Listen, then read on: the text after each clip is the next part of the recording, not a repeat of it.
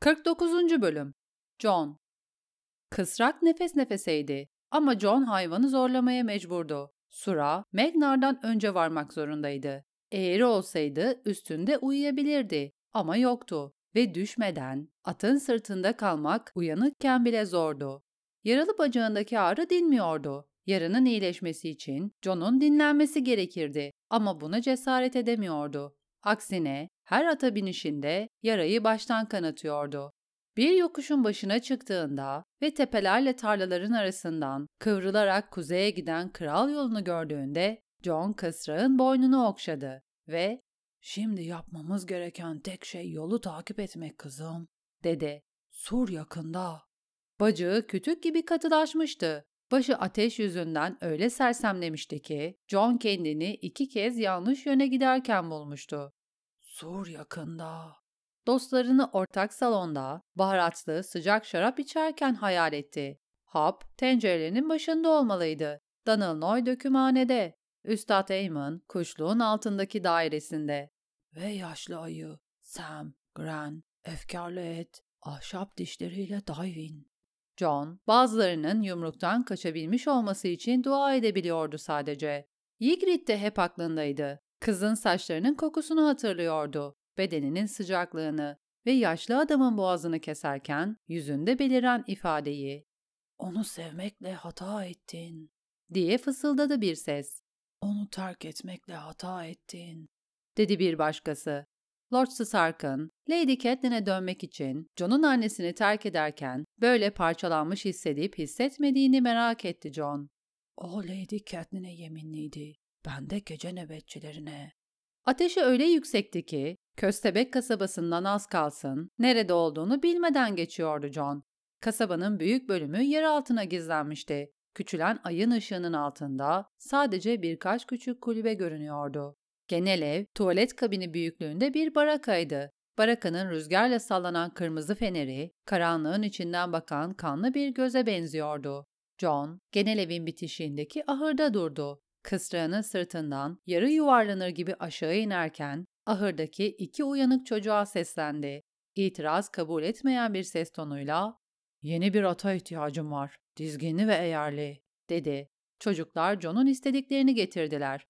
Ayrıca bir matara şarap ve yarım somun esmer ekmek. ''Kasabayı uyandırın.'' dedi John çocuklara. ''Onları uyarın. Surun güneyinde yabanıllar var. Eşyalarınızı toplayın ve Karakale'ye gidin.'' Bacağındaki acı yüzünden dişlerini sıkarak çocukların getirdiği siyah dişe bindi ve kuzey için dört nala at sürdü. Doğu semasındaki yıldızlar sönmeye başlarken şafak sisinin ve ağaçların üzerinde yükselen sur John'un önünde belirdi. Ay ışığı buzun üstünde solgun pırıldıyordu. John iyi dişini mahmuzladı. Karakale'nin muazzam buz uçurumu altında Kırık oyuncaklar misali yığılan taş kulelerini ve ahşap salonlarını görene dek çamurlu yolu takip etti. O sırada sur, şafağın ilk ışıklarıyla pembe ve mor pırıltılara bürünmüştü. Dış binaların önünden geçerken John'a meydan okuyacak bir nöbetçi görünmedi. Yolunu kesmek için kimse gelmedi. Kara kale, boz kalkan kadar viran görünüyordu. Avluların taşlarının arasındaki çatlaklarda kahverengi yabani otlar büyümüştü. Eski karlar taş kışların çatısını kaplamış ve John'un yaşlı ayının kahyası olmadan önce uyuduğu Hardin Kulesi'nin kuzeyinde yığınlar halinde birikmişti. Yangın sırasında pencerelerden taşan dumanın isti parmakları Lord Kumandan Kulesi'ne siyah çizgiler çizmişti. Mormont yangından sonra Kral Kulesi'ne taşınmıştı ama John orada da hiç ışık görmedi. Yerden bakarken 215 metre yüksekliğindeki surun üstünde yürüyen nöbetçiler olup olmadığını söyleyemezdi. Ama buzun güney cephesine ahşap bir yıldırım gibi tırmanan zikzaklı merdivende hiç kimse yoktu. Silahhanenin bacasından duman yükseliyordu. Çok inceydi. Kuzey semasında belli belirsiz seçiliyordu. Ama yeterliydi. John atından indi ve topal adımlarla silahhaneye yürüdü. Açık kapıdan dökülen ısı sıcak bir yaz nefesi gibiydi. İçeride tek kollu Danılnoy körüklerin başında çalışıyordu. Sesi duyunca başını çevirdi. ''Jon Snow!'' Ta kendisi. John, ateşe, yorgunluğa, bacağına, Magnar'a, yaşlı adama, Ygritte'e her şeye rağmen gülümsedi. Geri dönmek güzeldi. Kocaman göbeği, omzuna iğnelenmiş kol yeni ve siyah sakallarla kaplı çenesiyle No'yu görmek güzeldi. Demirci körükleri bıraktı. Yüzün? John yüzünü neredeyse unutmuştu. Bir deri değiştiren gözlerime oymaya çalıştı. Noy kaşlarını çattı. Yaralı ya da pürüzsüz. Göreceğimi düşündüğüm son yüz seninkiydi. Mans Raider'ın tarafına geçtiğini duyduk. John devrilmemek için kapıya tutundu. Bunu size kim söyledi? Jarman Buckwell. 15 gün önce döndü. Buckwell'in keşifçileri seni kendi gözleriyle gördüklerini iddia ediyorlar. Koyun derisi bir pelerinin içinde yabanıl kafilesiyle birlikte at sürüyormuşsun. Noy John'u süzdü. Pelerin kısmının doğru olduğunu görüyorum. Aslında hepsi doğru, diye itiraf etti John. Ama başka şeyler de var. O halde seni deşmek için bir kılıç çekmeli miyim? Hayır, aldığım emre göre davranıyordum. Corin Yarımel'in son emri. Noy, garnizon nerede? Senin yabanıl dostlarına karşı suru savunuyorlar. Evet, ama nerede? Her yerde. Köpek başlı harma havuzdaki orman gözcüsünde görüldü. Çıngıraklı uzun mezarda. Ağlak'ta buz izinde. Bütün sur boyunca. Buradalar, oradalar. Kraliçe kapısının yanında sura tırmanıyorlar. Boz kalkanın kapılarına saldırıyorlar. Doğu gözcüsünün karşısına yığılıyorlar. Ama siyah bir pelerin gördükleri anda yok oluyorlar. Ertesi gün başka bir yerdeler. John boğazından yükselen iniltiyi yuttu. Yanıltma hareketleri. Mens kuvvetimizi bölmek ve zayıflatmak istiyor. Anlamıyor musun? Ve Bowen da onu memnun ediyor. Kapı burada, saldırı burada. Noy, John'un yanına gitti. Bacağın kan içinde. John ifadesiz gözlerle bacağına baktı. Doğruydu. Yarası yine açılmıştı. Bir ok yarası. Bir yabanıl oku. Bu bir soru değildi. Noy'un yalnızca bir kolu vardı ama o kol kalın ve kaslıydı. John'un koluna girdi. Süt gibi beyazsın. Ayrıca yanıyorsun. Seni Eymun'a götürüyorum. Vakit yok. Yabanıllar surun güneyinde. Kapıyı açmak için kraliçenin tacından geliyorlar. Kaç kişiler? Noy John'u kapının eşiğine taşıdı. 120. Yabanıllar için iyi silahlanmış sayılırlar. Bronz zırhlar, biraz çelik. Burada kaç adam kaldı? Kırk küsür, dedi Donald Noy. Sakatlar, zayıflar ve hala eğitimde olan yeşil çocuklar. Eğer marş gittiyse kale kumandanı kim? Zırh ustası güldü. Sir Winton, tanrılar onu korusun. Kaledeki tek ve son şövalye. Mesele şu ki, Stout kumandan ilan edildiğini unutmuş gibi görünüyor ve kimse de gidip adama bunu hatırlatmıyor. Sahip olduğumuz tek kumandan benim sanırım. Sakatların en acımasızı. En azından bu iyi bir haberdi. Tek kollu zırh ustası işini bilen bir adamdı ve savaş konusunda tecrübeliydi. Öte yandan Sir Winton Stout bir zamanlar iyi bir adam olduğu hususunda herkes hemfikirdi. Ama korucu olarak geçirdiği 80 yılın ardından ne gücü ne de zekası kalmıştı. Bir keresinde akşam yemeği sırasında uyuyakalmıştı. Bir kase bezelye çorbasının içinde boğuluyordu neredeyse. ''Kordon nerede?'' diye sordu Noy avluyu geçerlerken. Hayalet. Sura tırmanırken onu bırakmak zorunda kaldım. Buraya geri döneceğini ummuştum. Üzgünüm delikanlı, onu hiç görmedik. Topal adımlarla kuşluğun altındaki uzun, ahşap iç kaleye gidip üstadın kapısına çıktılar. Zırh ustası kapıyı tekmeledi. Claudius! Bir süre sonra siyahlara bürünmüş, düşük omuzlu, ufak tefek bir adam kapıda belirdi. John'u gördüğünde adamın minik pembe gözleri genişledi. Delikanlıyı yatır, üstadı getireceğim. Şöminede ateş yanıyordu ve o da çok havasızdı. John sıcaklık yüzünden sersemledi. Noy onu sırt üstü yere yatırdığı anda John dünyanın fırıl fırıl dönmesine engel olmak için gözlerini kapadı. Yukarıdaki kuşlukta gaklayan ve sızlanan kuzgunların sesini duyabiliyordu. Snow! diyordu bir kuş. Snow! Snow! Snow! Bu Sem'in marifetiydi. John hatırladı. Sam Valtarli sağ salim eve dönebilmiş miydi yoksa sadece kuşlar mı gelmişti? Üstad Eyman'ın gelmesi uzun sürmedi. Ağır ağır hareket ediyordu. Lekeli ellerinden birini Clydes'ın omzuna koymuştu. Küçük ve dikkatli adımlarla ilerliyordu. Adamın ince boynunda ağır üstad zinciri vardı. demir, kurşun, saç ve diğer baz metallerin arasında altın ve gümüş halkalar ışıldıyordu. Jon Snow, dedi üstad. Kendini daha güçlü hissettiğinde bana gördüğün ve yaptığın her şeyi anlatmalısın. Donald, ateşe bir kazan şarap ve demirlerimi koy. Kor gibi olmalarını istiyorum. Clydes, senin şu keskin bıçağına ihtiyacım olacak. Üstad yüz yaşını geçmişti. Kırılgan, saçsız ve tamamen kördü. Ama süt rengi gözleri hiçbir şey görmüyor olsa bile üstadın zekası hala gençliğindeki kadar keskindi. Clydes pantolonunun bacağından çıkardığı bıçakla John'un eski kanla katılaşmış ve yeni kanla ıslanmış siyah pelerinini keserken John, ''Yabanıllar geliyor.'' dedi üstada. ''Güneyden bir suru tırmandık.''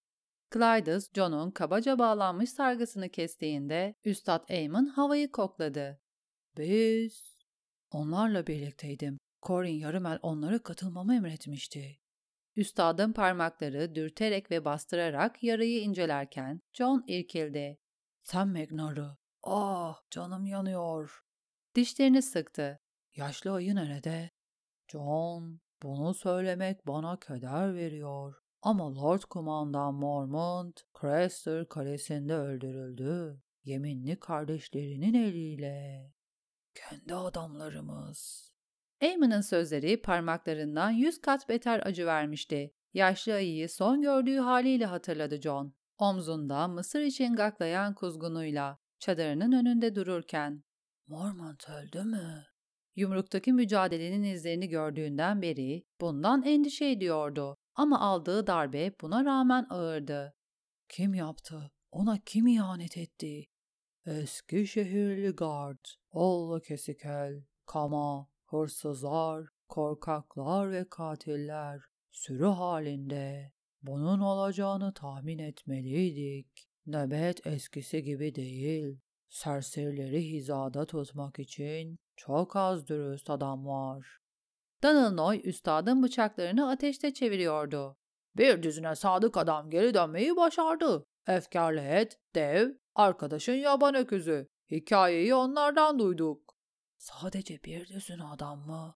Kara Kale'den Lord Kumandan Mormonts'la birlikte 200 adam ayrılmıştı. Nöbetin en iyilerinden 200 adam. Marş'ın artık Lord Kumandan olduğu anlamına mı geliyor bu?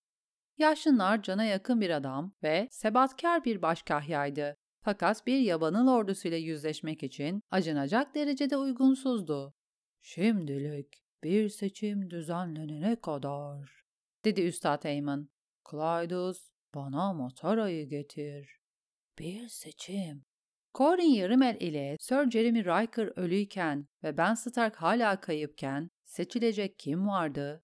Bowen Marsh ya da Sir Winton Stout olmayacağı kesindi. Torrance Smallwood ya da Sir Adam Widers yumruktan sağ çıkmayı başarabilmişler miydi? Hayır, yeni kumandan Kadir Turna yahut Sir Dennis Mallister olur. Ama hangisi?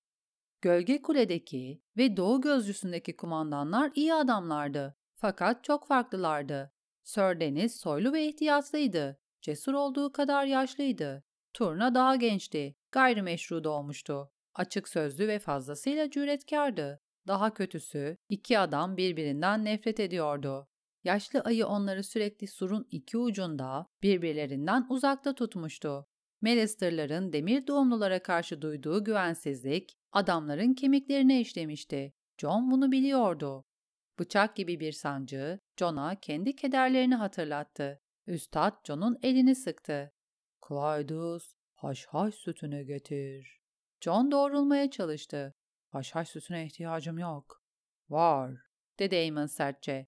Bu canını yakacak.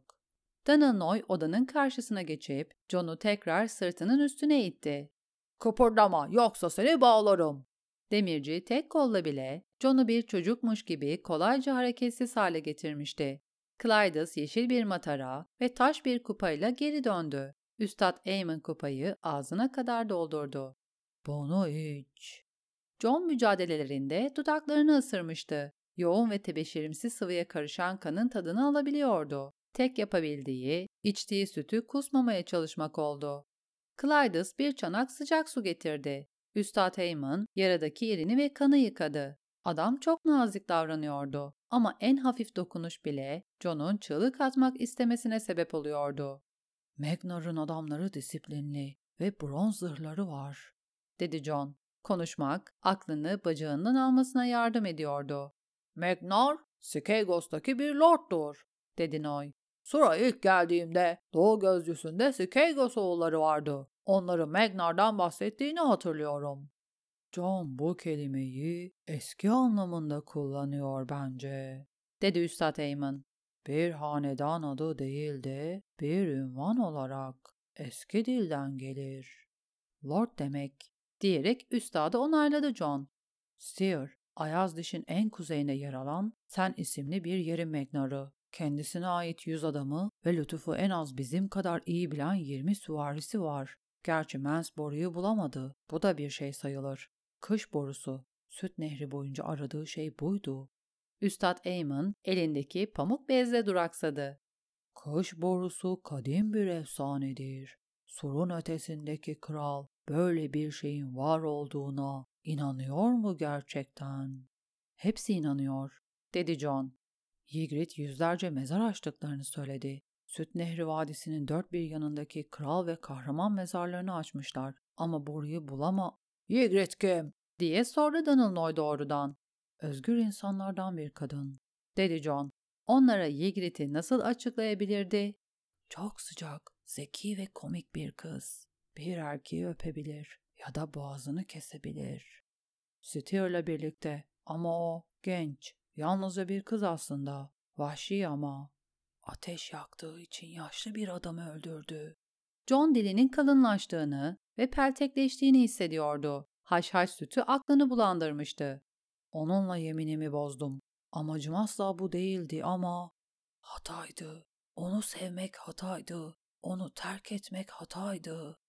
Yeterince güçlü değildim. Yarım el bana emir verdi. Onlarla birlikte at sür, yemek ye, gözle. Geri adım atmamalıyım. Ben... Başı ıslak yünlerle sarılmış gibiydi. Üstad Eamon John'un yaralarını tekrar kokladı. Kanlı bezi çanağa batırdı ve ''Donald, sıcak bıçağı ver lütfen.'' dedi. ''Delikanlıyı hareketsiz tutman gerekecek.'' Korlaşmış bıçağı gördüğünde ''Bağırmayacağım.'' dedi John kendi kendine. Ama bu yeminini de bozdu. Clydes üstadın eline rehberlik ederken Donald Noy John'u yere bastırdı. John hareket etmedi. Yumruğunu tekrar ve tekrar yere vurmak dışında. Acısı öyle büyüktü ki o acının içinde kendini küçük, zayıf ve çaresiz hissetti. Karanlıkta ağlayan bir çocuk gibi. Yanık et kokusu burnuna çarptığında ve kulaklarında kendi çığlığı yankılandığında ''Ygritte'' diye düşündü. Mecburdum. Çektiği acı tek kalp atışı boyunca azalmaya başladı ama sonra demir tekrar dokundu ve John bayıldı. Göz kapakları titreyerek açıldığında John kalın yünlere sarılmıştı ve yüzüyordu. Hareket edemiyordu ama sorun değildi. Bir süre için Ygritte'in onunla birlikte olduğunu ve nazik elleriyle ona dokunduğunu hayal etti. Sonunda gözlerini kapadı ve uykuya daldı. Bir sonraki uyanış o kadar halim değildi. O da karanlıktı ama battaniyelerin altındaki acı geri dönmüştü. John'un bacaklarındaki zonklama en küçük harekette kor bir bıçağa dönüşüyordu. John bunu hala bir bacağı olup olmadığını anlamak için bakmaya çalışırken en sert şekilde öğrendi. Soluğu kesilmiş halde çığlığını yuttu ve yine yumruğunu sıktı. John! Odada bir mum belirdi. Kocaman kulakları ve her şeyiyle çok iyi hatırlanan bir yüz John'a bakıyordu. Hareket etmemelisin. Pip. John uzandı ve diğer çocuk John'un elini tutup sıktı. Gittiğini düşünmüştüm, dedi John. Yaşlı narla birlikte mi? Hayır, benim fazla ufak ve yeşil olduğumu düşünüyor. Gran de burada. Ben de buradayım. Gran yatağın diğer yanına yürüdü. Uyuyakalmışım. John'un boğazı kurumuştu. Su diye inledi. Gran su getirdi. Bardağı John'un dudaklarına götürdü. Yumruğu gördüm, dedi John büyük bir yudumdan sonra. Kanı, ölü atları, Noy bir düzüne adamın geri döndüğünü söyledi. Kimler? Darwin döndü. Dev, efkarlı et, tatlı Donald Tepe, Almır, Solaklı, Gart Bostüy. Dört ya da beş kişi daha. Ben. Sam. Graham bakışlarını kaçırdı. Ötekilerden birini öldürdü John. Gördüm. Ötekiyi onun için yaptığın ejderha camı hançerle bıçakladı. Ona katil Sam demeye başladık. Bundan nefret ediyordu. Katil Sam. Sam Tarly'den daha az savaşçı olabilecek birini hayal bile edemiyordu John. Ona ne oldu? Onu bıraktık. Gren'in sesi perişandı. Onu sarstım, ona bağırdım, hatta yüzünü tokatladım. Dev onu ayağa kaldırmaya çalıştı ama Sam çok ağırdı. Eğitimde nasıl yere kırıldığını ve ağlayarak öylece yattığını hatırlıyor musun? Crester kalesinde ağlamıyordu bile. Kama ve Oğla yiyecek bulmak için duvarları yıkıyordu. Guards'la Guard dövüşüyordu. Diğerlerinden bazıları Crester'ın kırlarına tecavüz ediyordu. Efkarlı et, bütün sadık adamların Kama'nın grubu tarafından öldürüleceğini düşündü. Neler yaptıklarını anlatmamıza engel olmak için. Bizim bir adamımıza karşı onların iki adamı vardı. Sam'i yaşlı ayıyla bıraktık. Yerinden kalkmıyordu John. Sizler onun kardeşleriydiniz. Demek üzereydi John. Onu yabanılların ve katillerin arasında nasıl bırakabildiniz? Hala hayatta olabilir, dedi Pip. Yarın ortaya çıkıp hepimizi şaşırtabilir. Evet, hem de Mans kafasıyla. Gren sesinin neşeli çıkması için çabalıyordu. John bunun farkındaydı. Katilsem. John tekrar oturmaya çalıştı. İlk seferindeki kadar büyük bir hataydı bu. Küfürler ederek bağırdı. Gren, gidip Üstad Eamon uyandır, dedi Pip. John'un aşağı sütüne ihtiyacı olduğunu söyle. Evet, diye düşündü John. Hayır, dedi. Magnar. Biliyoruz, dedi Pip. Surun üstündeki devriyelere gözlerini güneyden ayırmamaları söylendi ve Danilnoy, rüzgar sırt bayırına kral yolunu gözlemeleri için adamlar gönderdi. Üstad Eamon da doğu gözcüsüne ve gölge kuleye kuşlar yolladı. Üstad Eamon ayaklarını sürüyerek yatağın yanına geldi. Elini Gren'in omzuna koydu. John, kendine fazla yüklenme. Uyanmış olman iyi ama iyileşmek için zamana ihtiyacın var. Yaranı kaynar şarapla boğduk ve ısırgan otu, hardal tohumu ve küflü ekmek lapasıyla örttük. Ama dinlenmezsen... Yapamam, dedi John. Acıyla cebelleşerek doğrulmaya çalıştı. Mens yakında burada olacak. Binlerce adam, devler, mamutlar. Kış yarına haber salındı mı? Ya krala? Alnından ter damlıyordu. Bir an için gözlerini kapadı. Gren, Pip'e tuhaf bir bakış attı. Bilmiyor. John, dedi Üstad Eamon. Sen uzaklardayken çok şey oldu ve bunların çok azı iyi. Balon Greyjoy kendini tekrar kral ilan etti ve dar gemilerini kuzeye karşı gönderdi. Dört bir yanda yabani otlar misali krallar bitti. Biz hepsine dilekçeler gönderdik ama hiçbiri yardıma gelmedi. Kılıçları için daha acil meseleleri var. Biz gözlerden ırağız ve unutulmuşuz. Ve kış yarı. John, metin ol. Kış yarı artık yok. Artık yok mu? John Eamon'ın beyaz gözlerine ve kırışık yüzüne baktı. Kardeşlerim kış yarında. Bran ve Rickon. Üstad John'un alnına dokundu. Çok, çok üzgünüm John. Kardeşlerin Sion Greyjoy'un emriyle öldüler. Sion, kış yarını Lord Bellon adına ele geçirdikten sonra babanın sancak beyleri kış yarını geri alma tehdidinde bulununca Sion kaleyi ateşe verdi. Kardeşlerinin intikamı alındı, dedi Gren. Bolton'un oğlu bütün demir adamları öldürdü ve söylenenlere göre yaptıklarından ötürü Theon'u santim santim yüzdü. Üzgünüm John. Pip John'un omzunu sıktı. Hepimiz üzgünüz. John, Sean Greyjoy'dan hiçbir zaman hoşlanmamıştı. Ama o babasının muhafızıydı. Bacağına yeni bir acı dalgası yürüdü ve John tekrar sırtının üstüne devrildi. Bir hata var, diye ısrar etti. Kraliçenin tacında bir ulu kurs gördüm. Gri bir ulu kurt. Gri, beni tanıdı. Eğer bir an öldüyse bir parçası kurdunda yaşıyor olabilir miydi? Oral'ın kartalında yaşadığı gibi. Şunu iç. Gren kupayı John'un dudaklarına götürdü. John'un kafası kurtlar ve kartallarla doluydu. Kardeşlerinin sesleri ve kahkahalarıyla. John'a bakan yüzler bulanıklaşıp kaybolmaya başladı. Ölmüş olamazlar. Sion bunu asla yapmaz. Ve kış yarı, gri granit, meşe ve demir, kulelerin etrafında dönen kargalar, Tanrı korusundaki sıcak havuzlardan yükselen buhar, tatslarında oturan taş krallar, kış yarı nasıl gitmiş olabilir? Rüyalar onu ele geçirdiğinde John kendini bir kez daha evinde buldu.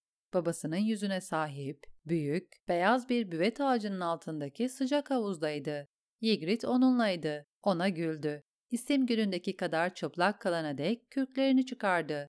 John'u öpmeye çalıştı ama öpemedi. Çünkü John'un babası onları izliyordu. John, kış yarının kanıydı. Gece nöbetçilerinin adamıydı. Bir piçin babası olmayacağım, dedi kıza. Olmayacağım, olmayacağım. Hiçbir şey bilmiyorsun Jon Snow, diye fısıldadı kız. Derisi sıcak suda çözülüyordu. Derisinin altındaki et, kemiklerinin üstünden sıyrılıyordu. Sonunda geriye sadece bir kafatası ve bir iskelet kaldı. Havuz, kesif ve kıpkırmızı fokurduyordu. 49. bölümün sonu